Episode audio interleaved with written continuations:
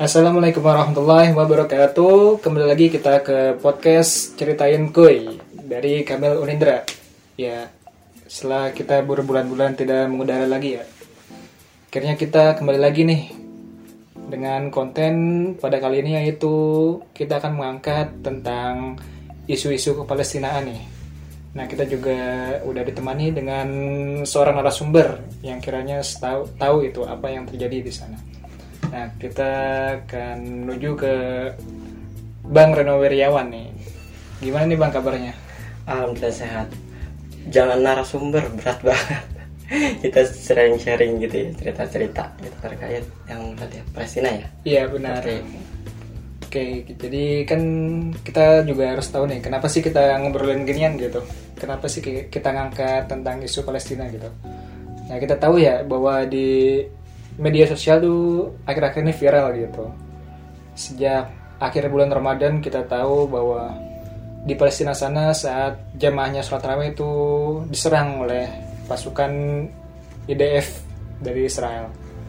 Nah, sampai sekarang pun masih panas gitu di sana konfliknya. Nah, jadi kita ingin nanya gitu, Bang. Sebenarnya di antara Palestina dan Israel itu ada apa sih? Kenapa mereka berkonflik terus sih gitu? Mungkin banyak juga orang yang bertanya-tanya tentang itu. Gimana, Bang? Mm-mm.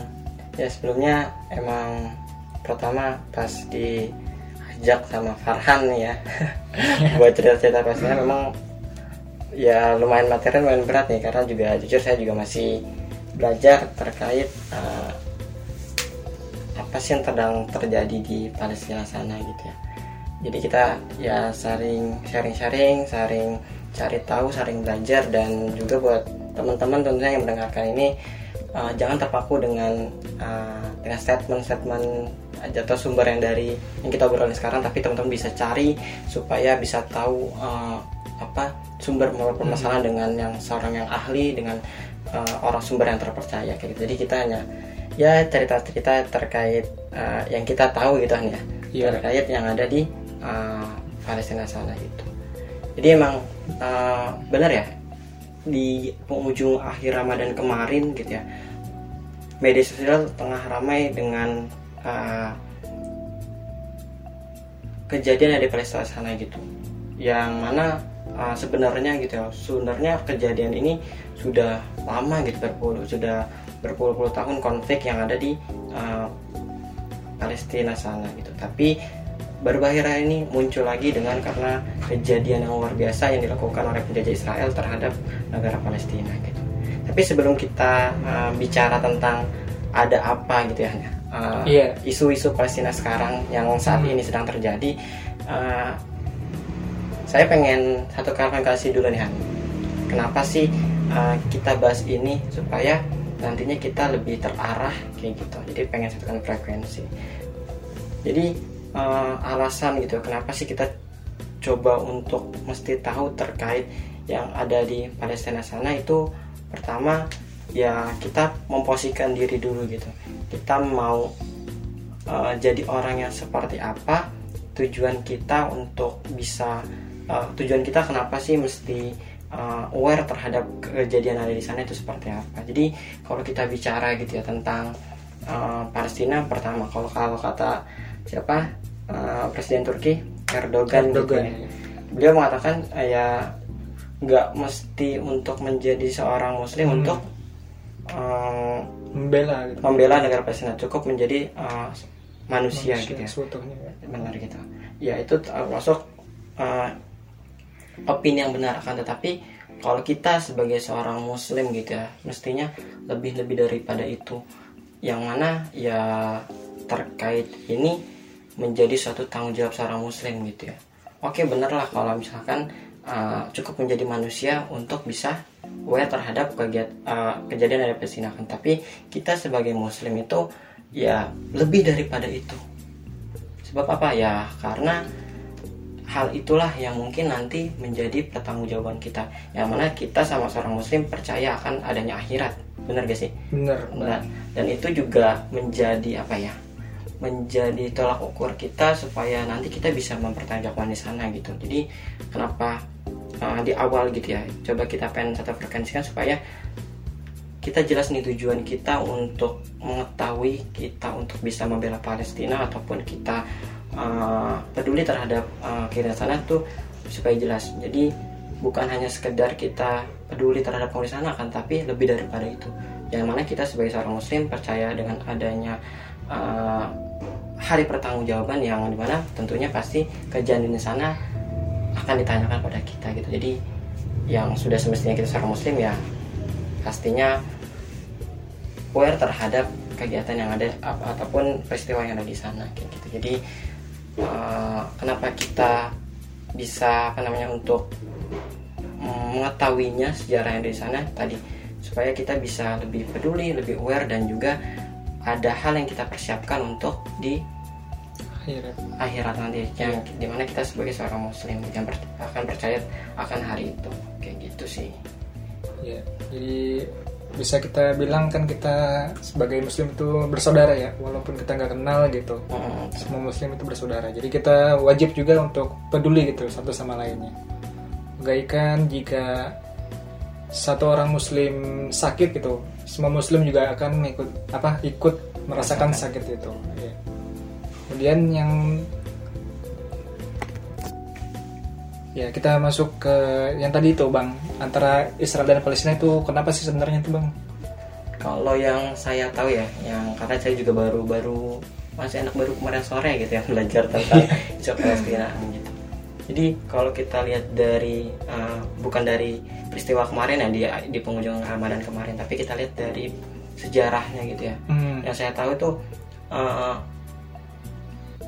peristiwa ini kenapa Israel bisa uh, menjajah Palestina ataupun uh, Palestina tertindas di negaranya sendiri yeah. gitu iya. ya di uh, tanah yang diberkahi itu ya itu berawal dari deklarasi Balfour yang di mana uh, Inggris gitu ya pemenang uh, dunia per, uh, pemenang perang, perang dunia pertama itu memberikan uh, tanah Palestina untuk uh, kepada uh, kaum Yahudi itu sendiri gitu. Jadi dari situlah dari apa dari deklarasi Balfour itulah yang memberikan tanah Palestina untuk uh, kaum Yahudi gitu ya.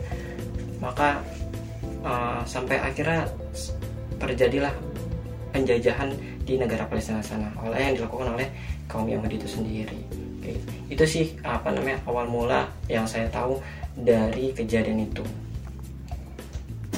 ya tapi bang gue lihat di media sosial gitu ya katanya Israel tuh ngungsi gitu karena kalah perang ke Palestina gitu bang nah itu mungkin bisa diceritain atau dijelasin gitu kenapa mereka tuh sebagai pengungsi tega gitu melahap negara orang yang membantunya sendiri gitu. Nah. Nah itu dia sih apa namanya kenapa kita pentingnya uh, belajar sejarah supaya kita tahu setidaknya uh, penyebabnya apa sih akar masalah seperti apa gitu. Karena kalau yang dari saya tahu sendiri yang saya tahu gitu ya uh, memang yang tadi saya sampaikan.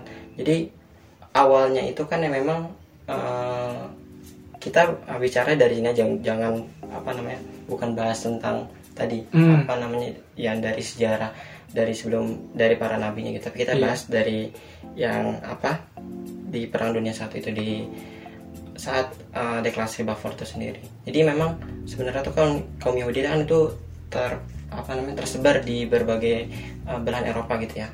Nah karena tadi deklarasi Balfour itu sendiri uh, yang di mana pemerintah Inggris apa memberi lahan memberi tanah Palestina untuk kaum Yahudi. Akhirnya uh, kaum Yahudi yang ada di berbagai belahan Eropa itu berimigrasi ke tanah Palestina itu sendiri. Jadi mereka uh, kalau kita memang kan bahasanya jatuhnya ngungsi gitu ya karena yeah. memang bukan tanahnya mereka yeah. gitu.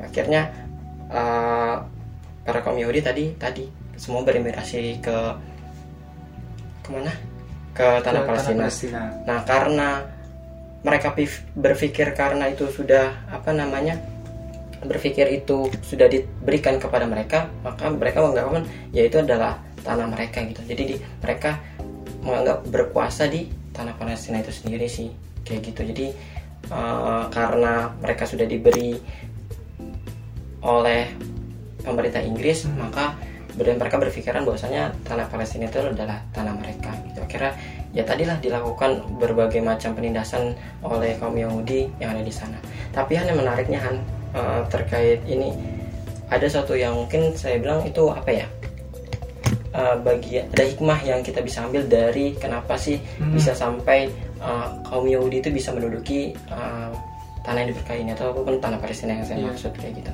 jadi dulu gitu ya sama-sama kita tahu uh, seorang bapak Zionis gitu ya yang ini terjadi mengakar uh, sampai tadi uh, Israel bisa menduduki ini.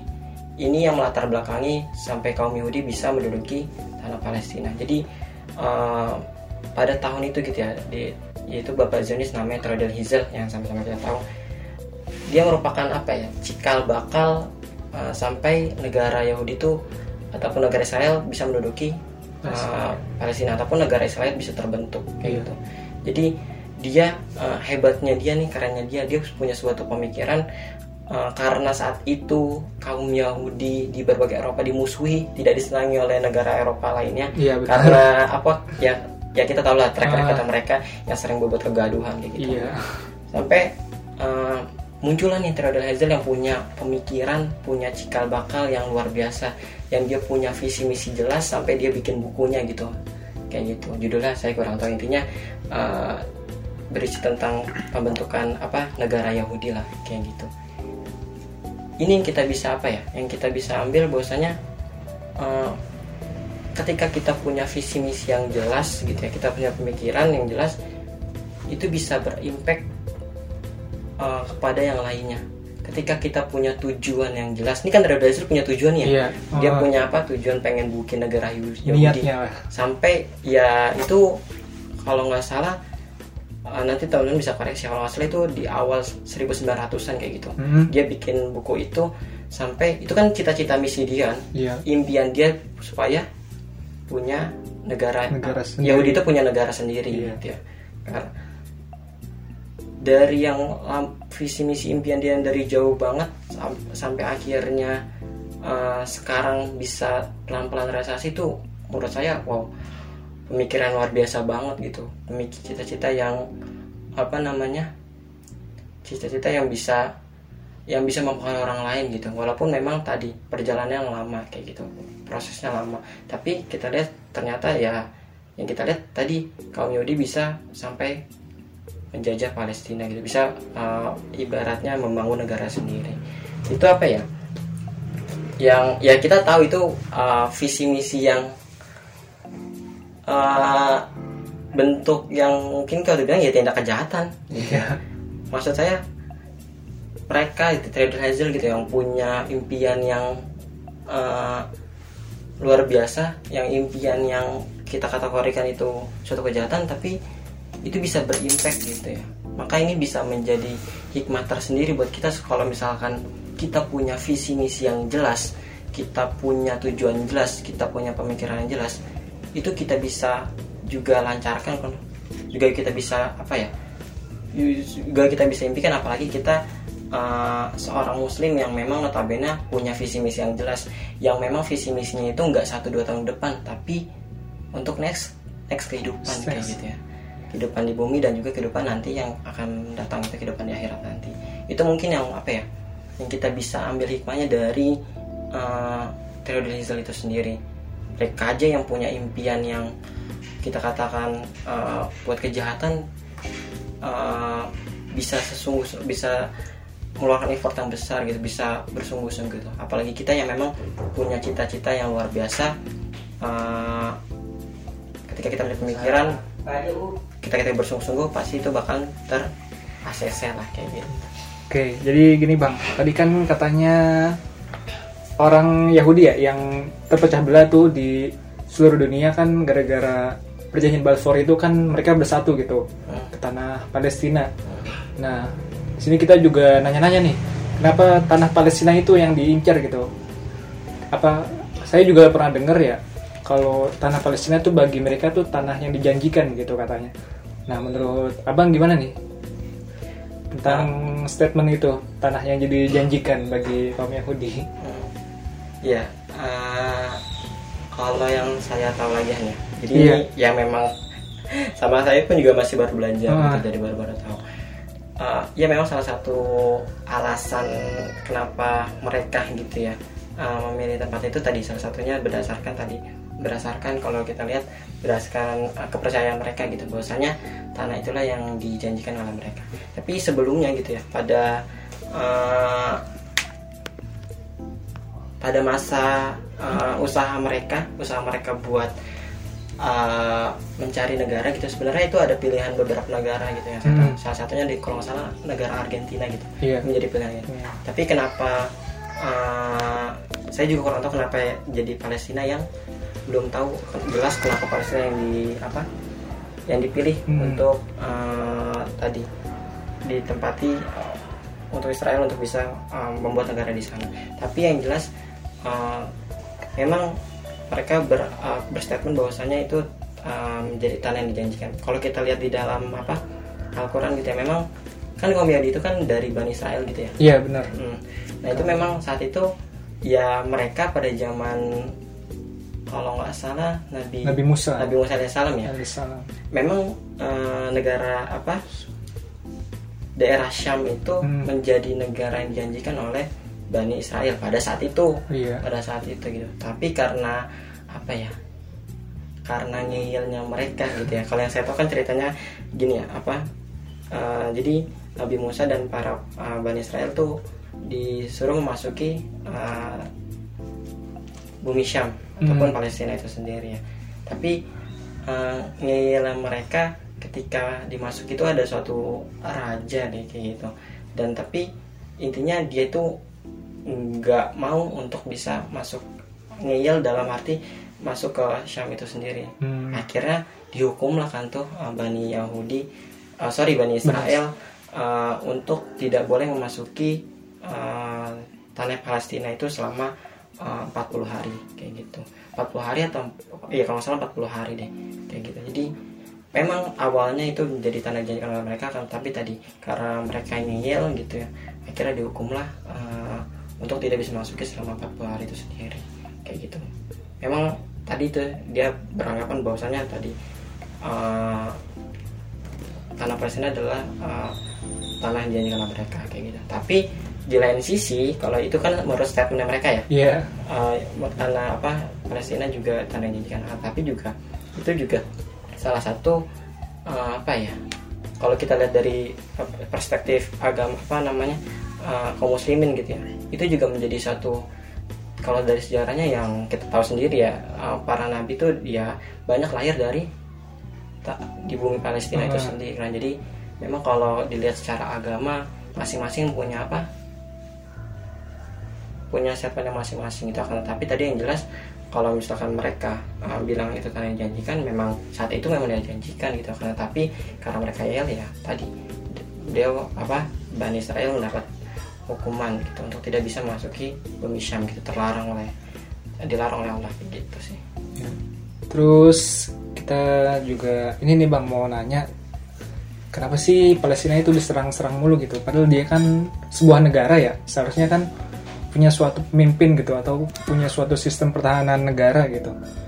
Kita nanya-nanya juga nih, Palestina itu punya suatu tentara nggak sih? Atau presiden lah gitu yang bisa melindungi rakyatnya? Karena yang kita tahu di media sosial tuh rakyatnya tuh seakan-akan sendirian gitu.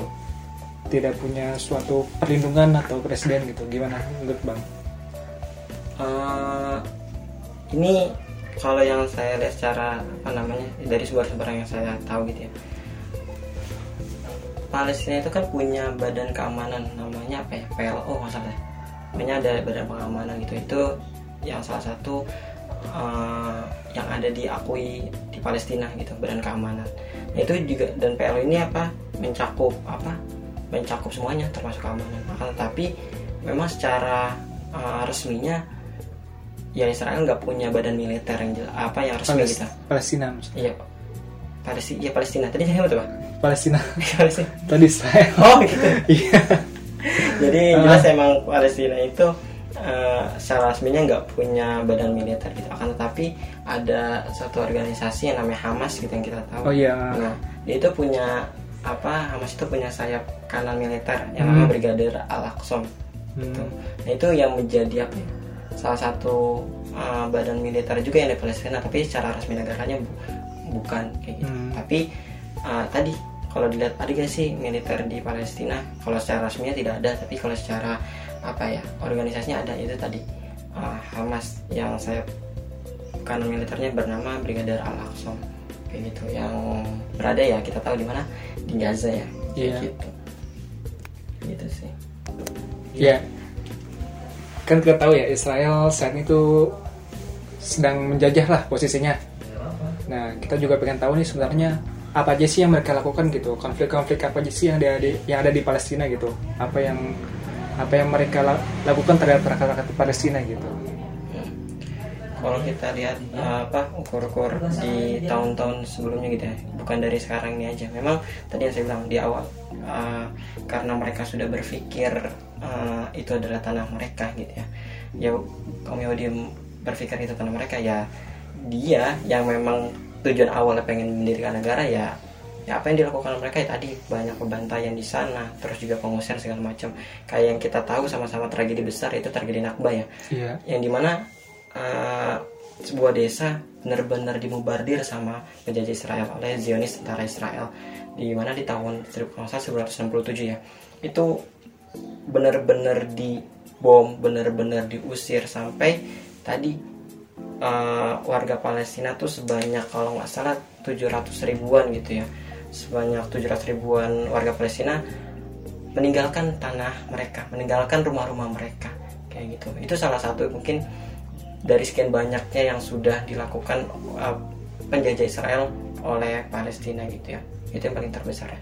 Sampai terus itu berlanjut berlanjut sampai apa namanya ada perdamaian apa perjanjian Oslo tapi itu masih apa masih apa ya belum eh, terselesaikan masih sampai akhirnya sampai sampai sekarang mereka terus eh, menjajah dan menjajah ya kalau kita lihat baru baru akhir-akhir ini yaitu Syekh Jarrah ya Iya, Syekh Jarrah Syekh. yang mereka apa pengungsi Palestina ini apa bukan pengungsi warga Palestina yang tinggal di sana diusir kayak Iya. gitu ini apa ya bisa terus saja berlanjut ke pengusiran terus juga pembantaian. Ya karena tadi mereka benar-benar emang men- menguasa, pengen menguasakan Palestina dengan berbagai cara dengan pengusiran terus dengan teror dan segala macam.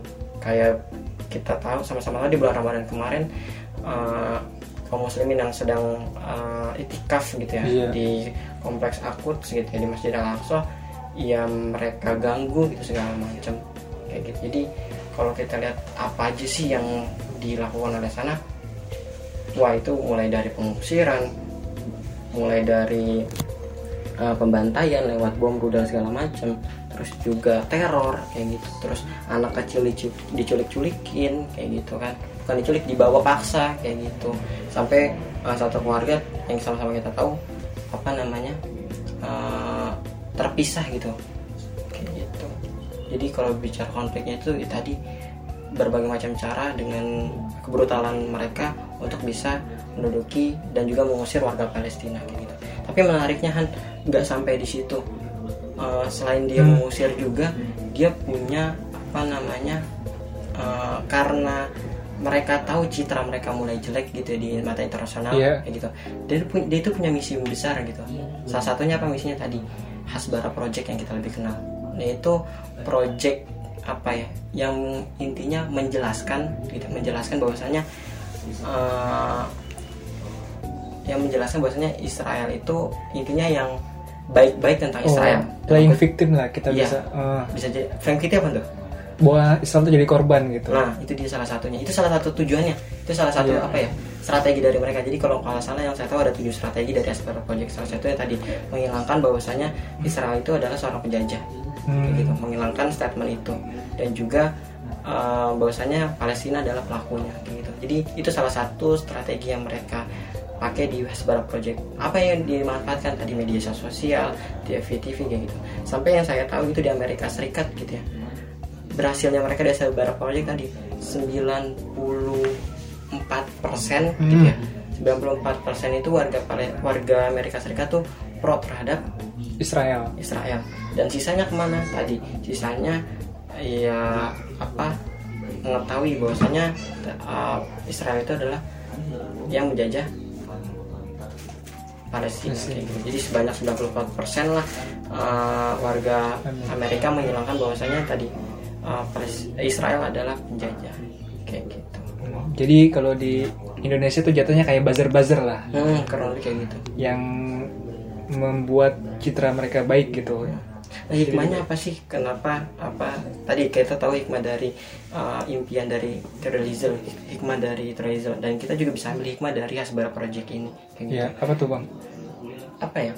Mereka yang memang kita tahu sama-sama tahu tindakannya uh, brutal gitu ya, memiliki uh, propaganda yang jelek begitu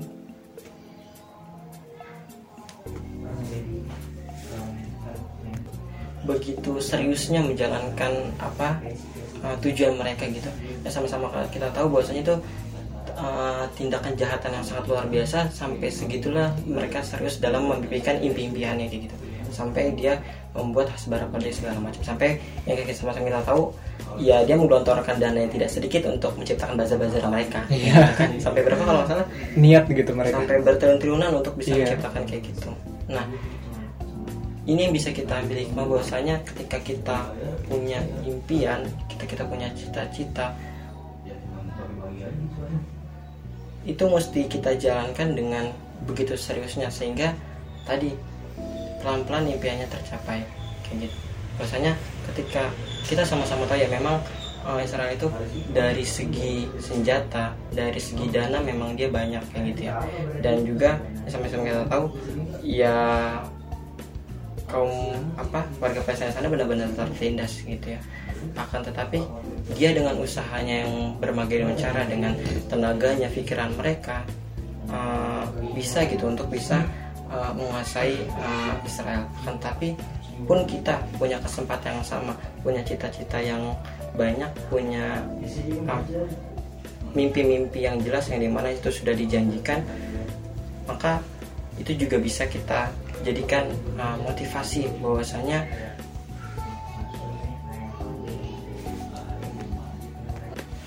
bahwasanya mimpi-mimpi kita tuh nggak bisa di apa tidak bisa diwujudkan dengan cuma bersantai-santai doang.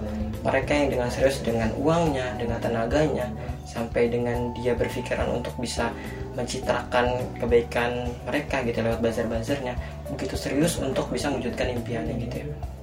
Tentunya kita juga yang punya mimpi yang jelas yang memang mimpi itu sudah dijanjikan oleh Allah Subhanahu wa taala maka nggak bisa dengan bersantai-santai gitu. Nggak bisa dengan diwujudkan cuma uh, oh tahu tentang keadaan di sana. Cuma scrolling scrolling Instagram ataupun juga cari informasi. Perlu uh, aksi yang jelas nyata yang jelas kayak gitu. Maka uh, nggak bisa bisa cuma dengan duduk-duduk santai kita bisa uh, turut ikut serta dalam membebaskan Palestina Nah, oke, jadi kita masuk ke aksi ya. Tadi kata Bang Reno. Nah, kita juga pengen tahu nih, kira-kira apa sih yang bisa kita lakukan gitu sebagai bentuk dukungan ke Palestina gitu. Kan kita tahu ya bahwa Israel itu menjajah di Undang-Undang Dasar juga tertera jelas ya bahwa penjajahan di atas dunia itu harus dihapuskan ya.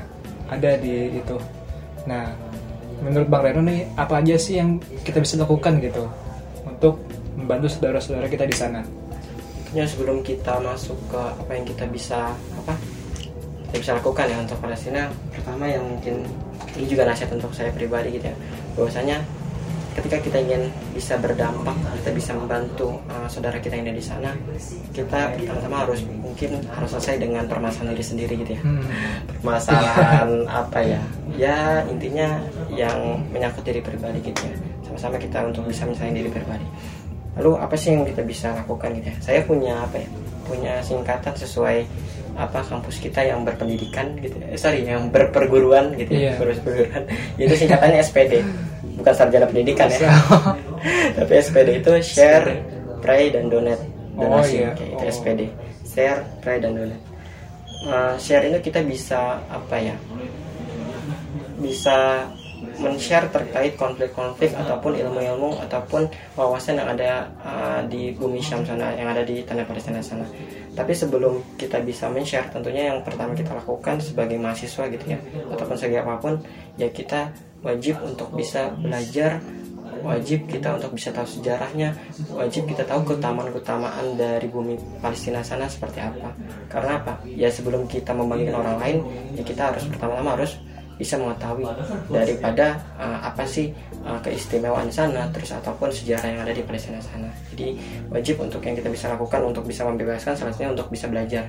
Belajar terkait apa yang ada di uh, persoalan yang di uh, sejarah maupun keutamaan ada di Palestina sana gitu lalu yang kedua tadi baru kita bisa men-share uh, terkait apa-apa yang ada terjadi di sana supaya apa hmm. kita bisa warga-warga yang apa tuh masyarakat-masyarakat yang belum bisa mengetahui bisa mengetahuinya bisa lebih aware lagi gitu.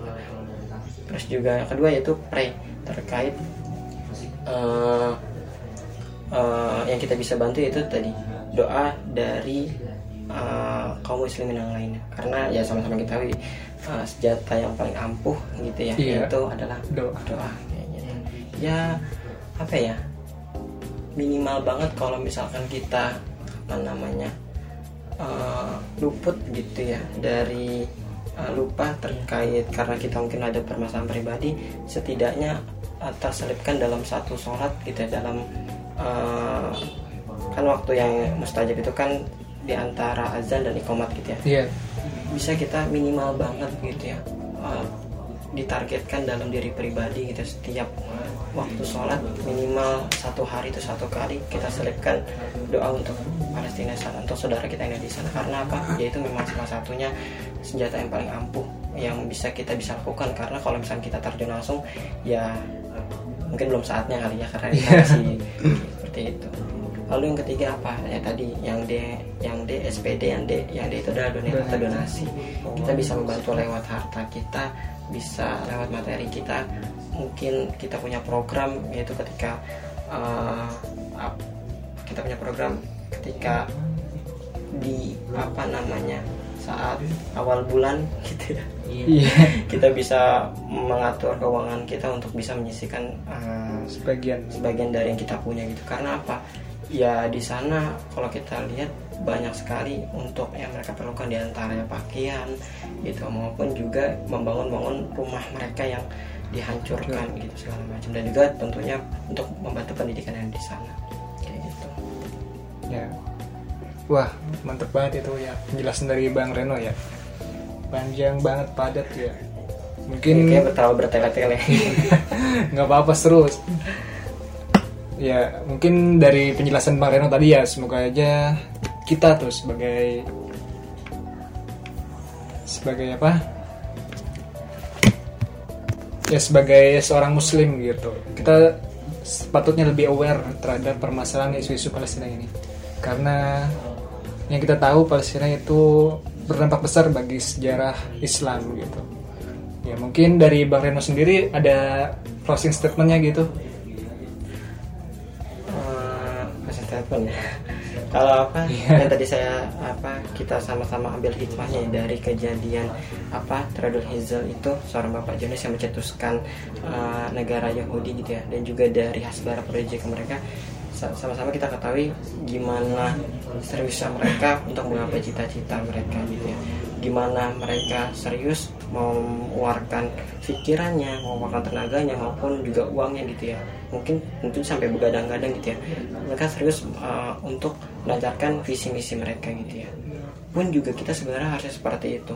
Ketika kita punya visi misi yang jelas kita tahu visi misi kita bahwasanya visi misi kita tuh nggak hanya yang bertujuan nggak hanya untuk satu tahun ke satu tahun kedua tahun ke depan akan tapi untuk kehidupan yang selanjutnya yaitu kehidupan akhirat tentunya itu nggak bisa dicapai dengan santai-santai aja tapi butuh uh, pembelajaran pengorbanan maupun juga uh, tadi aksi nyata yang jelas. Bahwasanya dia capek pun juga kita ketika ingin mewujudkan suatu impian juga pasti tentu harus bisa juga harus mengeluarkan berbagai macam pengorbanan gitu ya. mereka sakit kita pun juga sakit. Dia begadang kita pun juga begadang gitu. Kalau dia mereka bisa mewujudkan negara Israel dengan uh, keseriusannya pun juga kita punya visi misi yang jelas ya tadi uh, untuk pengorbanan yang jelas ada satu ini Han yang apa menjadi motivasi mood besar buat Iya. kita Apa tuh bang? jadi ada apa ya ayat Al-Quran yang bikin motivasi kita yang memang itu menjadi tujuan kita jadi ada di yang kalau kita kalau di Anisa gitu ya ayat 104 yang artinya jangan janganlah kamu berhati lemah dalam mengejar mereka musuhmu jika kamu menderita kesakitan maka ketahuilah mereka pun menderita kesakit- kesakit- kesakitan pula sebagaimana kamu merasakan. Sedang kamu masih dapat mengharapkan dari Allah apa yang tidak dapat mereka harapkan. Allah maha mengetahui maha bijaksana. Jadi artinya dia juga sakit kita juga sakit. Tapi apa? Kita punya apa yang kita harapkan yaitu apa? Mengejar ridhonya Allah Subhanahu Wa Taala. Mungkin itu yang bisa menjadi motivasi buat kita untuk bisa uh, ikut kontribusi dalam membebaskan Palestina. Ya, mantep banget. Ya, mungkin sampai di sini ya untuk pembahasan podcast Ceritain Kue pada kali ini. Ditunggu untuk episode-episode selanjutnya ya. Stay tune di podcast Ceritain Kue. Wassalamualaikum warahmatullahi wabarakatuh.